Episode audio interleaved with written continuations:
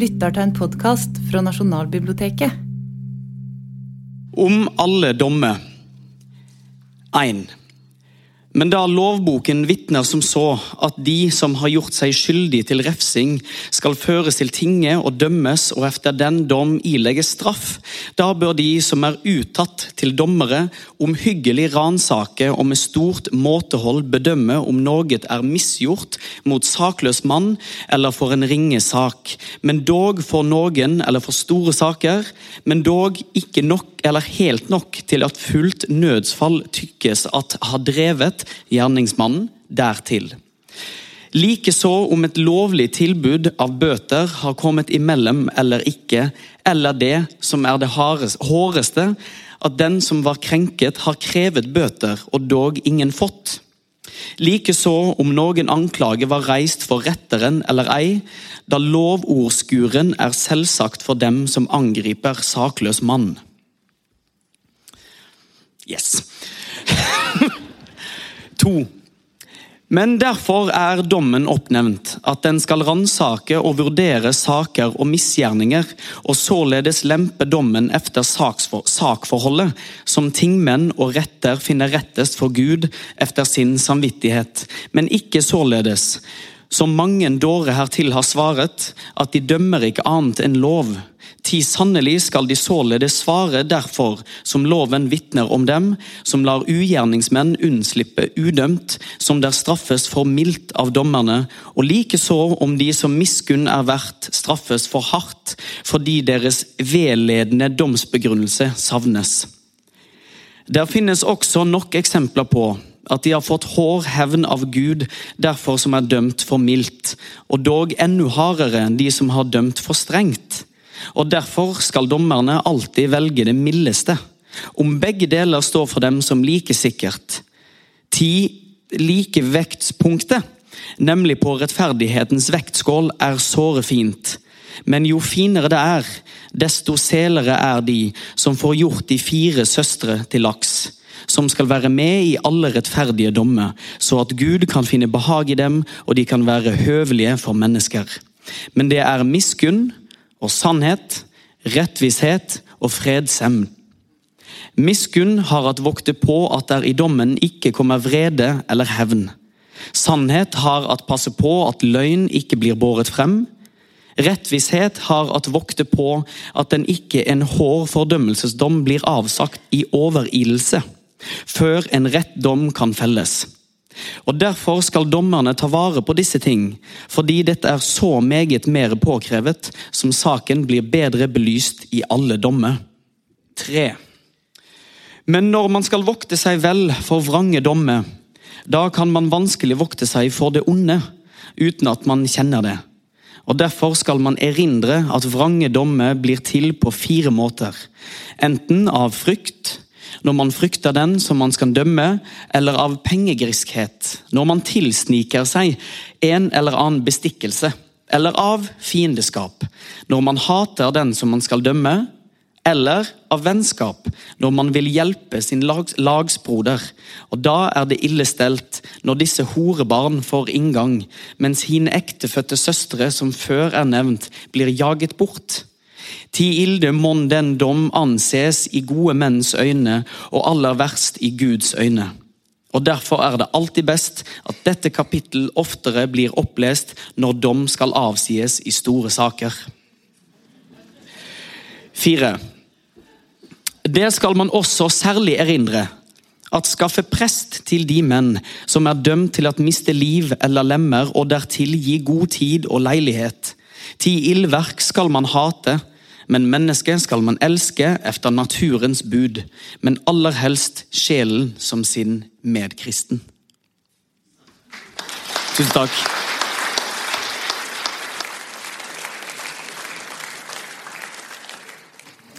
Vi har jo da altså Jørn Øyrehagens Sundes ord for at dette er en lettfattelig tekst. Ja. Jeg er, jeg er veldig glad for at han sa akkurat det. Ja. Da vet vi hvorfor vi forsto det så godt. Eh, men kanskje vi skal snakke litt om språk. Vi må snakke litt om språk og skrift og tekst her. Og til det har vi da også fått eh, noen av landets beste hoder på dette. nemlig Anna Horn og Magnus Rindal. Så da ber jeg de om å komme opp her.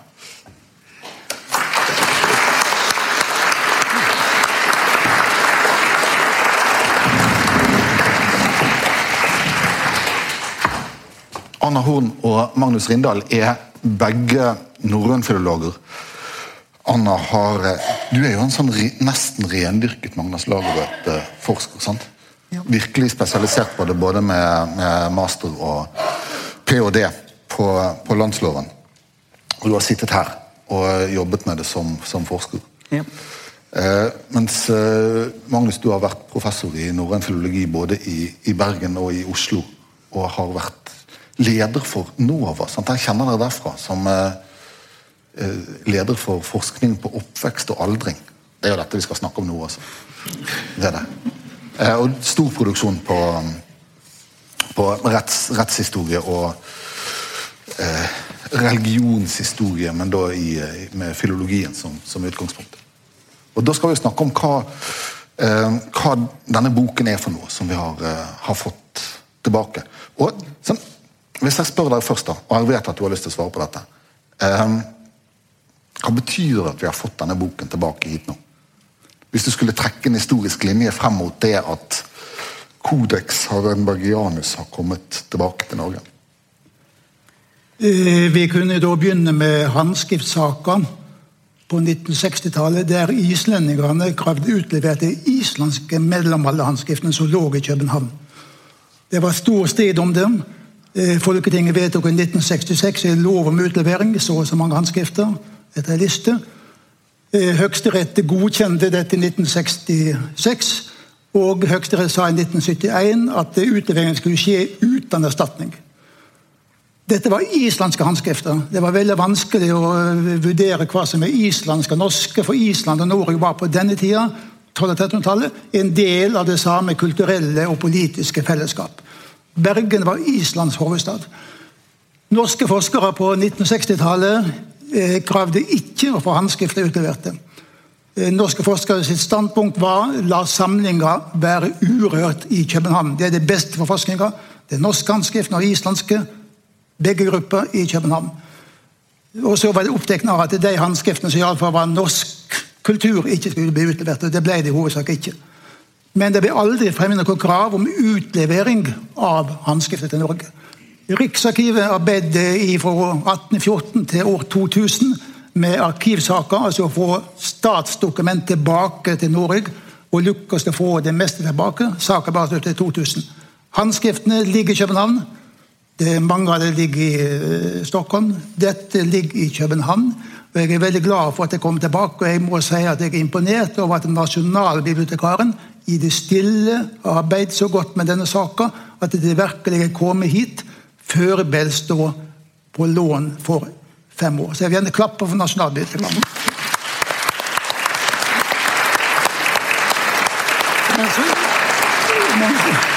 Så er jo spørsmålet hva er dette for noe? om? dette er da ett av 39 mellomalderhåndskrifter som vi har av landslova, pluss fragmenter. Det er for ca. 1300-1350. Det merker seg ut ved to ting. vil si. Det ene er at det var ei kvinne som åtte dem. Og håndskriftet fått navn etter kvinne. Codex Hardenbergianus. Altså Helvig Hardenberg åtte dette håndskriftet. Kona til Erik Rosenkrantz, lenser på Bergenhus 1560-68. Det som ellers særmerker håndskriftet, er at det har illustrasjoner. som har sett her. Og Det er det eneste. Seieren det kan jeg supplere hvis jeg får tid til det, eller får høve til det av det strenge møtelærerne. Eh, det er det eneste norske illustrerte håndskriftet. Islendingene har mange. Det er altså det britiske miljøet og det kontinentale miljøet har jo veldig mange. Men det er det eneste norske. Ellers er norsk målekunst for mellomalderen bare kjent gjennom såkalte frontaler eller antimensaler, altså målte framstykker på alderbo. Så dette er altså et unikt dokument, som jeg er veldig glad for å få tilbake. I 1983 fikk eh, kong Olav i åtteårsgave ei faksimileutgave mm. av dette håndskriftet. Så det viser altså hvor verdifullt det er. Mm. Du er jo um, nå er du forsker på Universitetet i Oslo. hadde Markerte dere dette på pauserommet?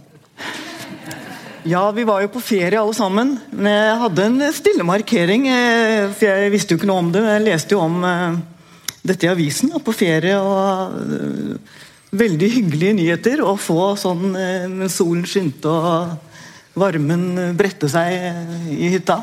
Nei, så eh, Stor dag. altså Veldig hyggelig å, å få en slik beskjed. Og det at det nå har kommet hit for forskning, det er jo et håndskrift med mange muligheter. Mye å, å se på i dette håndskriftet. Ikke bare landsloven. Det er jo flere lover der òg. Ja. Magnus, du ga jo noen, noen gode argumenter for uh, storheten ved, ved, denne ene utgaven. Men er det den mest interessante? Språklig og, og innholdsmessig?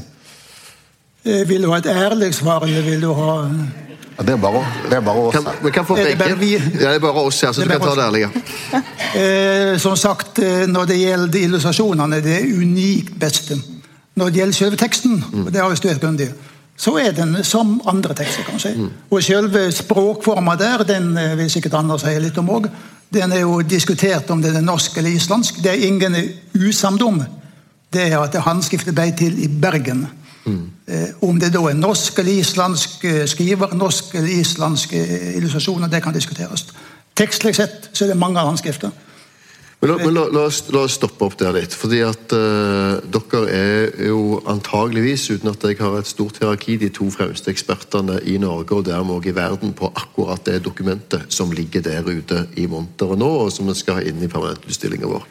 Uh, og så sier du, Magnus, at det er, uh, det er unikt i estetisk, om du vil. Altså, i, i, kunsthistorien, Innholdsmessig så er det ikke, skiller seg ikke så mye fra de andre. og Bruksmessig har vi allerede to eksemplarer på Nasjonalbiblioteket som har vært mye mer i bruk. De er mye mer slitt, mye mer brukslovbøker enn denne mer eh, estetiske, som dette òg er en bruksbok. Men, men, for litt sånn, for, sånn grunnleggende eh, Kan du, Magnus, først fortelle oss tid blir dette eksemplaret lagt?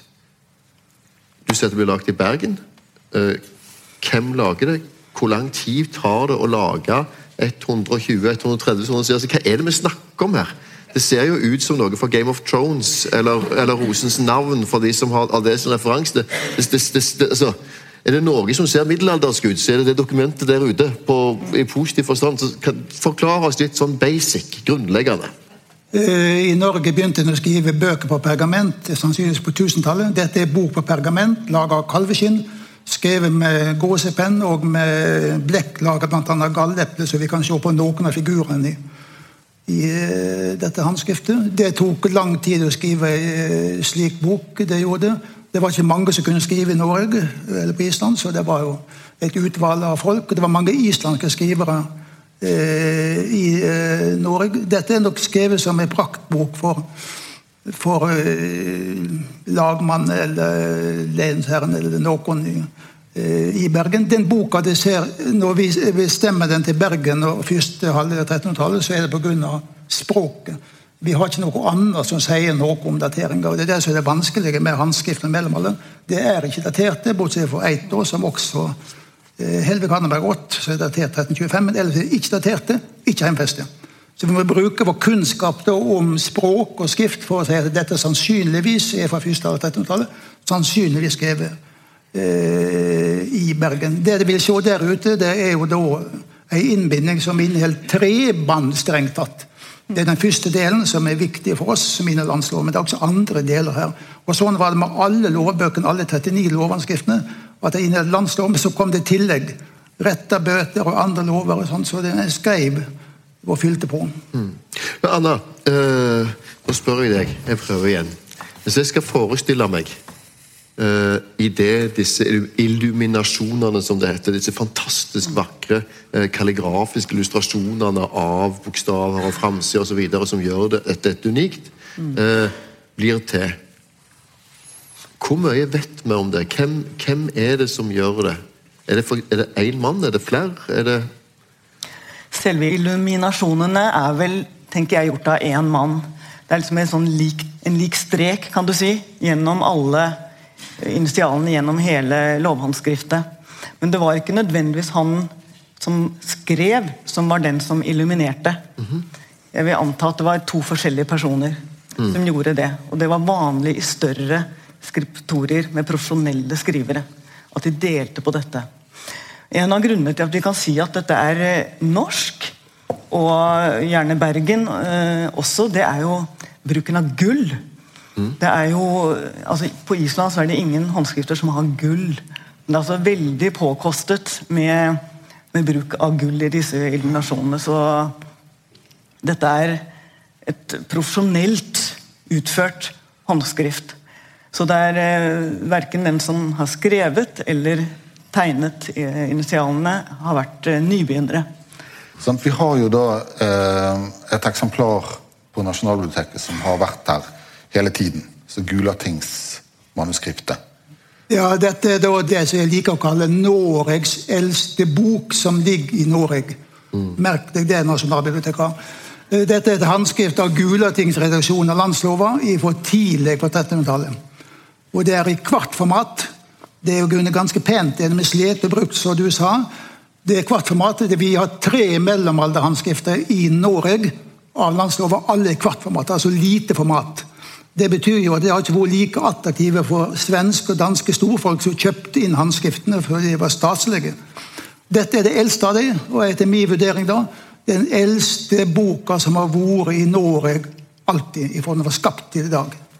Men vi kan jo bare merke oss eh, det, som, altså det håndskrift nederst her, som da er tilføyd seinere, og som er et eksempel på det som du har vært opptatt av, Anna, sant? med disse her eh, manuskriptenes etterliv. Og her er det noen som har skrevet etterpå hva, hva dette manuskriptet er. Ja, dette er et MS, står det, av Magnus Lagabøtes eh, Gulatingslov. Og det er For én ting er jo i det øyeblikket håndskriftet er ferdig skrevet. Det er liksom det, det som vi i dag har overført og har foran oss. Men idet det var ferdig, det lå der, illuminasjoner og alt, da var, liksom, da var det nyfødt. Det var da livet begynte. Og så en, var det en eier som overtok og brukte det. Og så var det en ny eier. Så gikk generasjonene og århundrene. Og dette håndskriftet det, det holdt stand. Og det ble bladd i, det ble skrevet litt, det ble solgt og sendt hit og dit. var kanskje flere steder eh, i landet. Det levde et liv og hadde en virkning i sin samtid som er veldig fascinerende. Og Det er ikke alltid så lett å vite det, hva som har skjedd. Men disse små marginalia, disse notatene i margen kan av og til fortelle oss litt. Og Det er litt eh, spennende å undersøke og gå gjennom håndskriften og bare se hvordan har dette håndskriftet levd. Hva har skjedd? Ja. Hvis vi skulle se et, eh, et eksempel på den Adenbergianus Dette er begynnelsen på arvebolken? Dette, dette er inne i det som heter arvebolken. Det står 'Su er hin fyrsta erd'. Dette er den første arven. Det er kapittel 7 i arvebolken. Det er seks første kapitler. Det er det som heter kvinnegifting. Og Det var egne bolker i eh, Gulatingslova. Vanligvis ikke i landslova, men her er det altså markert at her begynner selv arverekkefølgen. Det er seks første kapittel. Det er kvinnegifting. Det var jo viktig fordi det var viktig for arverekkefølgen hvem gifter seg med. Så det er seks første kapitler de beskriver da ekteskap, samliv og eh, skilsmisse. Så begynner da eh, arve, selve arverekkefølgen her. Men, men eh, altså, vil jeg bare til protokoll bemerke at dessverre er Stavanger-utgaven godt tapt. Men de, den var jo veldig mye finere.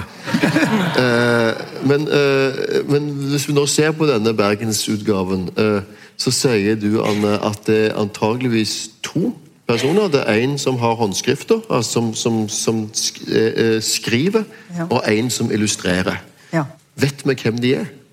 De er jo anonyme. Men altså når man åpner et håndskrift for første gang og begynner å se Du ser hvordan pennen har liksom truffet pergamentet, strø- streken, og der slipper pennen. Du liksom kjenner jo nesten at skriveren eh, snakker til deg. Og du, du, Man får et litt personlig forhold til liksom selve dette teksten. Du ser han har slitt, sittet over dette håndskriftet gjennom måneder. Og som sagt, altså, Dette her er jo en profesjonell skriver. Vi kan se at Han har jo skrevet ganske regelmessig gjennom hele håndskriftet. Det er en del når det gjelder språket, islandske trekk. Både i språkutformingen, altså ortografien, og også i de palografiske trekkene.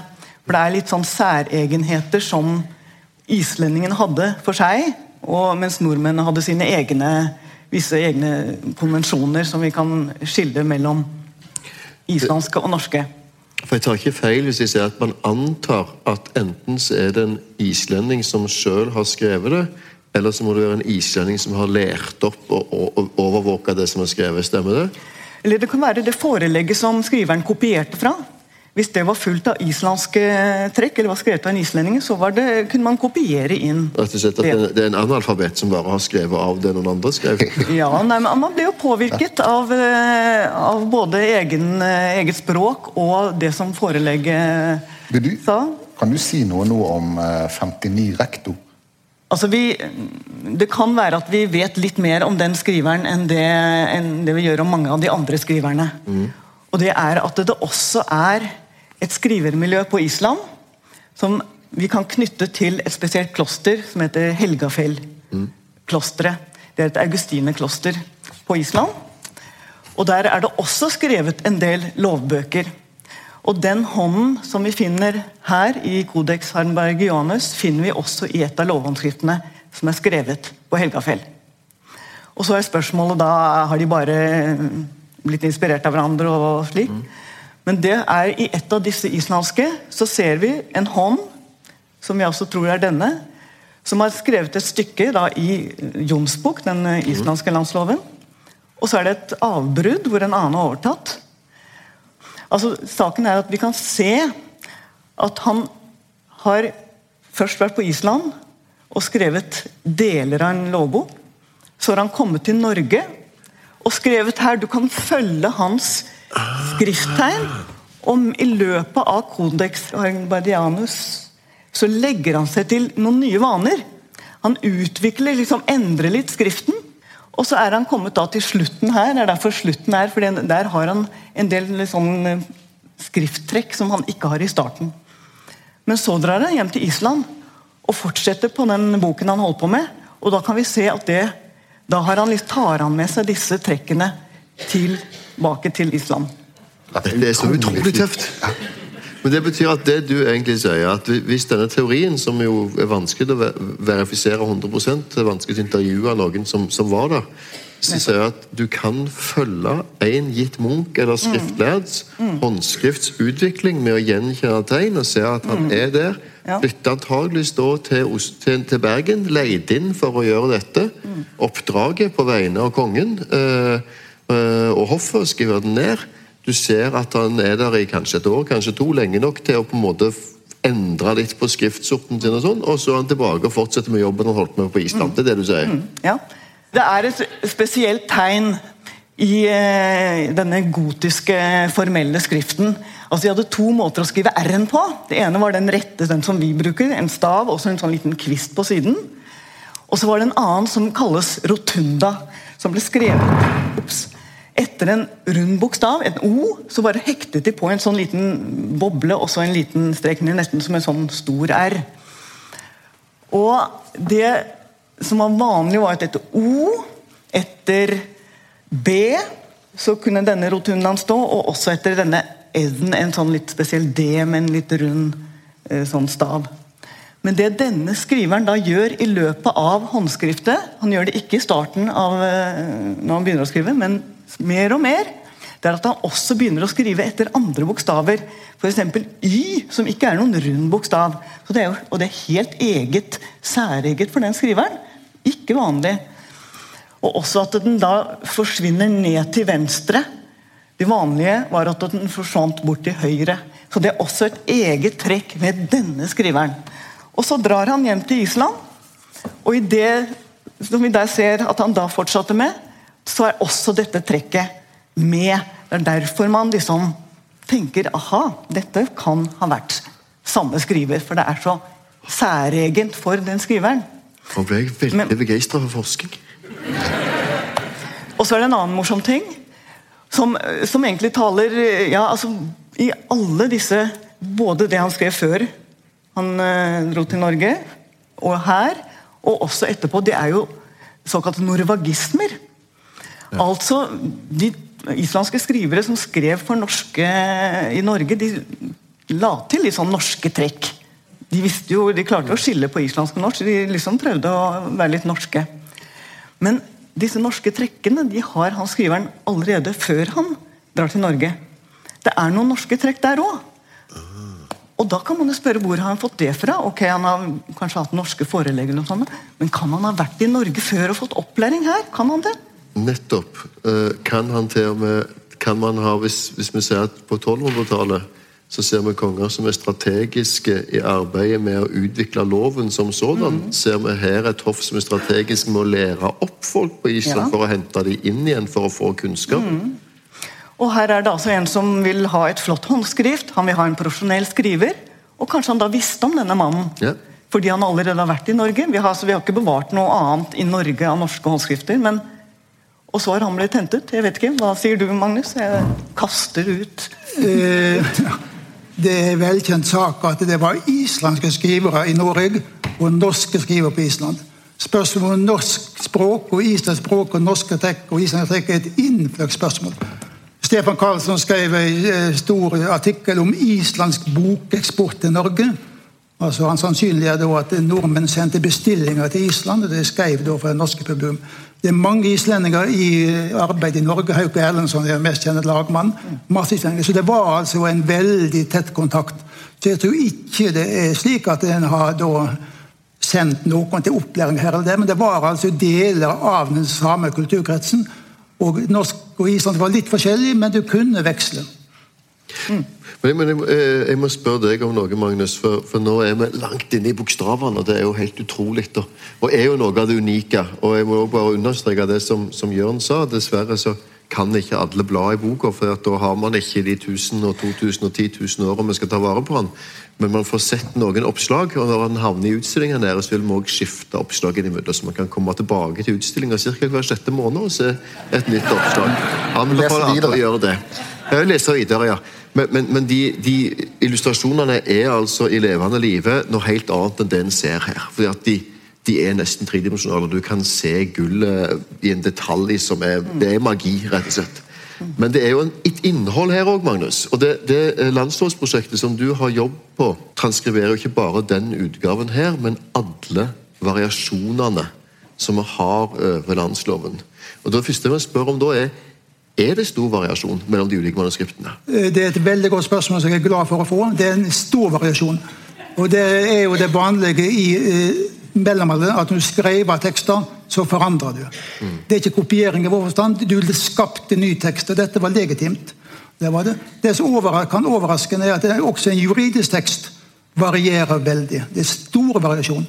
Og vi har jo, eh, når vi lager den utgaven som kommer ut til høsten, eh, over, tror jeg registrert over 50 000 variasjoner når vi har gått gjennom alle de nesten 100 håndskriftene vi har.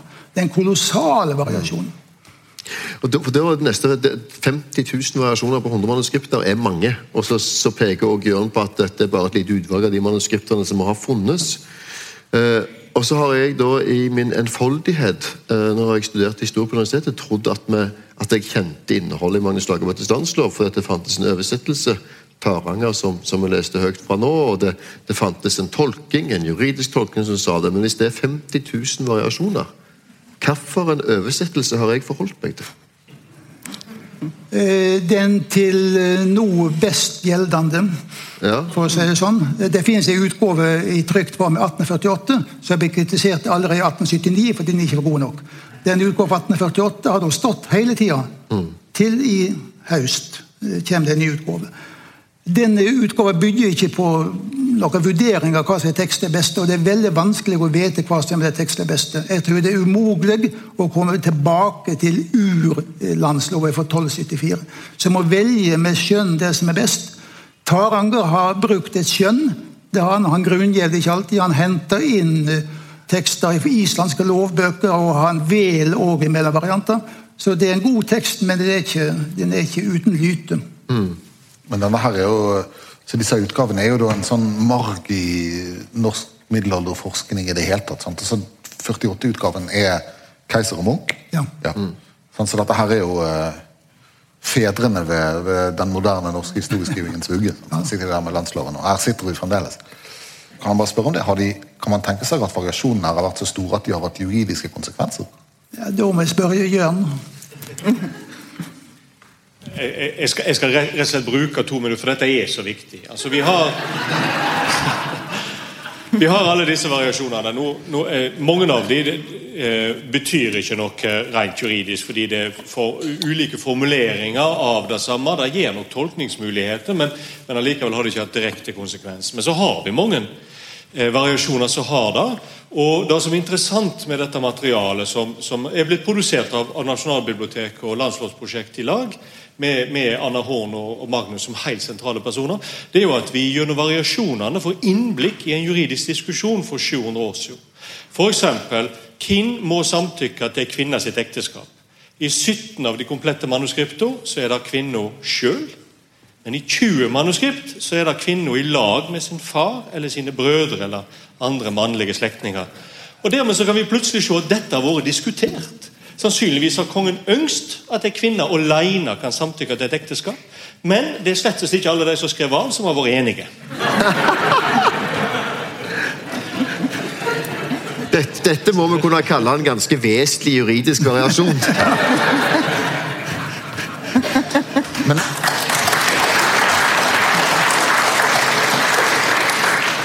Men som sånne grunnleggende prinsipper Jeg vet at du har vært opptatt av dette. her forholdet mellom teksten og eh, kapittelbetegnelsen. Sant? At én ting er teksten, for selv om det da er sånn vi tror gjør når han sier det Men eh, det må jo på en eller annen måte likevel ha vært et ideal å, å bringe teksten som helhet noenlunde riktig videre. Men, men kapitteltitlene, altså betegnelsene på hva den følgende teksten handler om, det varierer mye, gjør det ikke det?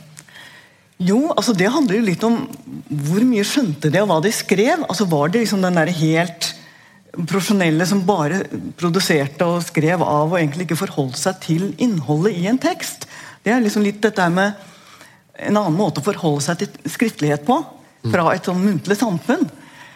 Og Der mener jeg å ha sett en utvikling i titlene at I de eldste lovene så skriver de bare om en sak, om en sak, om en sak i titlene.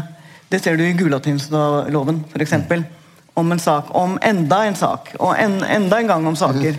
Og for en lagmann som da skal inn og liksom finne den rette bestemmelsen for å dømme, så er ikke det et så veldig stort hjelpemiddel når det bare står saker om saker om en sak. Mens i landsloven så er det mye mer der. Ja, her står det hvis en mann gjør sånn. Ok, da kan lagmannen få en hjelp. Da Da har jo disse titlene en liten funksjon.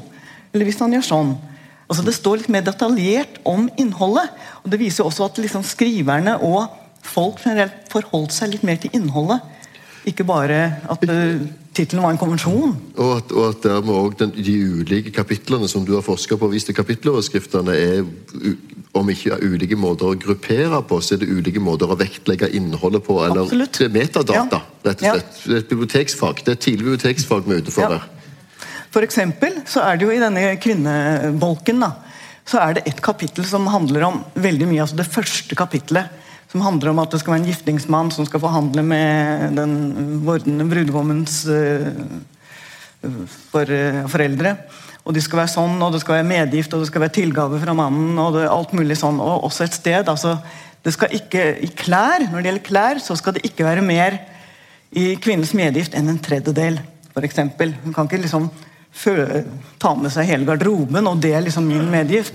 For det, altså To tredjedeler av medgiften skulle også mannen kunne ha nytte av. Og I den tittelen, i et av disse håndskriftene, som da er dette vårt hovedhåndskrift til eh, den nye utgaven, så skrev han ja, om kvinnegifting og hvor mye kvinnen kan ha i medgift av klær. Så det syns den skriveren tydeligvis var viktig ja. å ha med. Av alle disse mange bestemmelsene som det står om i det kapitlet. Ganske stort kapittel. Det er den eneste tingen han trekker fram som viktig.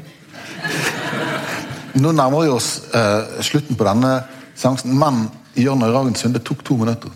Ja, eh, vi må kunne legge på de to minuttene for å se ja, ja. Uh, navnetrekket til Helvig Hardenberg. Hvem av dere vil peke og forklare? Helvig Hardenberg. Hvis min egen hand. Jeg har skrevet navnet flere ganger og skriver også at uh, Helvig Hardenberg eier denne boka. Og det er vanlig i mellom alle bøker at det står den og den eier denne boka, så står det en trussel. F.eks.: Den som stjeler meg. Altså det er boka som taler i jeg. Den som stjeler meg, skal drages etter håret til helvete. Det, det, det har bibliotekene blitt mer liberale med åra, vil jeg si.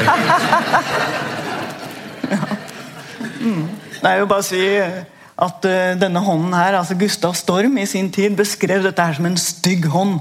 Altså håndskriften til Helvig Hardenberg. En Ja. stygg hånd. Det var grusomt. Ja, I våre dager da prøver vi å ha litt mer objektive kriterier for å beskrive en håndskrift. da. Ja. Men, uh, men for, vi, må, vi må stoppe og dvele et lite øyeblikk der. Fordi at når jeg begynte å snakke om Codex Herdebergianus Jeg tok jo litt tid bare å lære å uttale det. Uh, eh, så må jeg innrømme at jeg antok helt intuitivt at eh, Hardenberg var en mann, og Hardenberg var han som hadde vært eh, dansk embetsmann i Bergen, og så stukket av gårde manuskriptet etterpå. Noe annet kunne jeg ikke forestille meg. Så det var jo Magnus som fortalte meg at det var ei dame omtrent idet NRK sto på trappa her, eh, når vi kom hjem med manuskriptet. Eh, Så hvis vi da prøver å anta at det ikke bare er jeg som er ekstremt sjåvinistiske, men at denne fordommen eh, er litt mer allmenn som så Det at dette er en proveniens til kvinner Det er kvinnehånd som skriver, det er en kvinnelig samler. Det er altså en, en embetsmann som drar hjem, men samlingen er, er navngitt til henne. Sier dette òg noe om de mulige kvinnerollene på 1500-tallet? Altså i den perioden hvor, hvor manuskriptet havner i København? Man får se På en skala fra 1 til 10, hvor, eh, hvor moderne kan eh, i forhold til, til kvinneroller, kvinnefrihet, kvinnemakt alle elementene kan denne Helvig har vært? Anna? Det er litt vanskelig å si. altså nå var det Mannen hennes var jo Var han stattholder eller eh, Lensherre på Bergenhus. lensherre på Bergenshus, og så dro de tilbake til København igjen. Nei, ja, eller til Danmark. Og han kan jo, De kan jo ha fått tilgang til dette håndskriftet da de var i Bergen. Men så er det det at på 1500-tallet så skjer det noe. For det første så er jo landsloven gjeldende rett fortsatt. Det var ikke på det tidspunktet at landsen ble, landsloven ble samlerobjekt. Det var heller senere, da de trykte opp Den ble trykt opp denne Kristian 4.s norske lov på 1600-tallet. Men det som skjedde var jo at alle disse danske lensherrene som kom hit, de skjønte jo ingenting av det som sto i landsloven. Så de, det ble satt i gang en prosess om, eh, med å oversette landsloven til dansk. Og det kan jo hende at Rosenkrantz har fått tak i da en dansk oversettelse som han syntes var mer hensiktsmessig. Og så forærte han da dette håndskriftet heller i gave til sin hustru. Så hun kunne ha noe pent å se på. Det er en måte Men, men det er jo ikke det eneste. sant? Hennes mann var da Erik Rosenkrantz, som bygget Rosenkrantz-tårnet i Bergen. Det er ikke, det er ikke små personer i historien. Eh, og om det er ene eller andre grunnen, så er det Helvig eh, Hardenbergianus eller Hardenberg som tar dette manuskriptet med seg hjem, og som har gitt oss navnet til det. Og som altså nå er tilbake i Norge for første gang siden denne dama her tok det med seg. Stjal det, har det blitt sagt noen ganger, men jeg tror ikke hun tenkte på det som det den gangen. Eh, men jeg vil avslutte med å spørre deg, Magnus. Eh, Magnus Rindal eh, bor på Nasjonalbiblioteket. Jeg traff han første dag jeg var på jobb, inne på spesiallesesalen. og Vi treffes ofte, og vi har snakket om dette en stund. og Du svarte meg den gangen når jeg spurte hva er det viktigste manuskriptet vi skal få inn, så sa du Codex Hardenbergianus er det viktigste. Eh, og Da må jeg spørre deg til slutt nå. Hva er det nest viktigste? Eh, Etter min vurdering, men det er vanskelig jobb, det er um, homilieboka, Gamles homiliebok, den eldste norske boka. Den ligger ved den armagnanske samlingen i København. Hvis du klarer det, så skal vi ha et nytt seminar. Tusen takk, Anna Holm og Magnus Rindal.